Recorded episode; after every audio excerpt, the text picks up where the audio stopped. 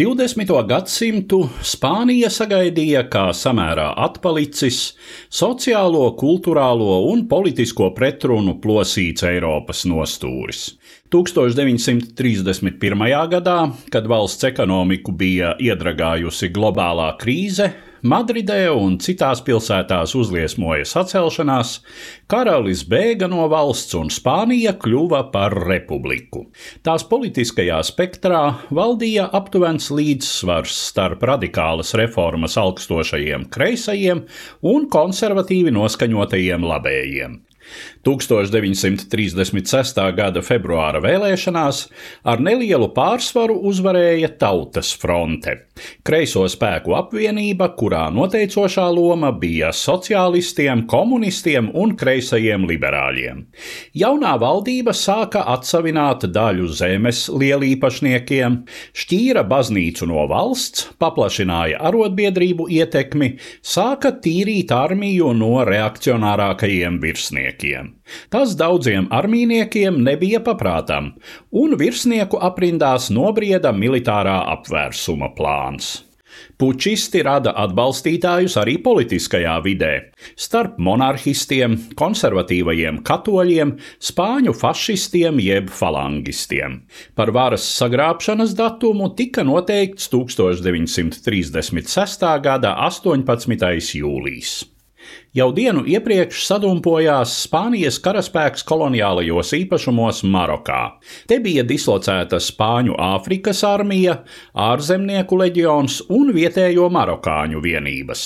Taču pučistu cerības uz pārsteiguma momentu un prasmīgu militāro organizāciju attaisnojās tikai daļēji. Sākotnēji premjerministrs, kreisais republikānis Kasares Skiroga, nenovērtēja situācijas nopietnību tad sapratis savu kļūdu, naktī uz 19. jūliju demisionēja. Viņa pēctecis, mērenais liberālis Diego Martinez Barrio, mēģināja pierunāt pučistus uz dialogu, sazvanīdamies ar viņu tā brīža līderi, ģenerāli Emilio Molu, taču saņēma kategorisku atteikumu un piesolījumu republikāņu līderus pie izdevības pakārt.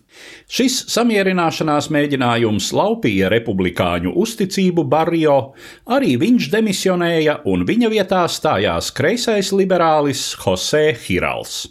Viņš tad nu beidzot rīkojās izlēmīgāk, tai skaitā izdalīja ieročus tautas frontes atbalstītājiem, un tas ļāva sākotnēji novērst pučistu uzkundzēšanos vairumā lielo pilsētu. Pučisti vieglu uzvaru svinēja valsts konservatīvi katoliskajos rietumos, Navarrā un Veckastīlijā. Te daudz viet viņus sveica ar ziediem. Jau krietni sīvāka pretestība bija dienvidos, Andalūzijā. Tomēr te cīņas iznākumu drīz izšķīra papildspēki no Āfrikas, kurus pārsviest palīdzēja arī nacistiskās Vācijas transporta lidmašīnas. Republikāņu valdība bija pārāk neizlēmīga, lai bloķētu šo pārvietošanos, kaut lielākā daļa flotes un aviācijas palika tai lojāla.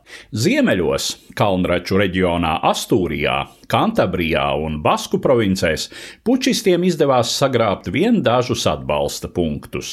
Galvaspilsētā Madridē, kā arī Barcelonā, varas sagrābšanas mēģinājumi beidzās ar ātru pučistu sakāvi. Lielākajā daļā valsts austrumu reģionu viņi vispār neuzdrīkstējās ko pasākt. Galu galā pēc pirmajām apvērsuma dienām pučistu rokās bija apmēram trešdaļa valsts teritorijas, kurā gan bija samērā maz industriālo jaudu, taču atradās nozīmīgākie pārtikas ražošanas reģioni. Spānijas bruņotie spēki sašķēlās, bet pučistu pusē pārgāja lielākā daļa virsniecības, masveidīgi dezertējot no republikas spēkiem.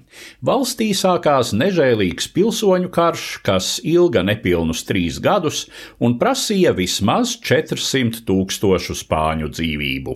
Galu galā militāristu organizētība izrādījās pārāka pār iekšēju politisku pretrunu plosīto republikāņu nometni.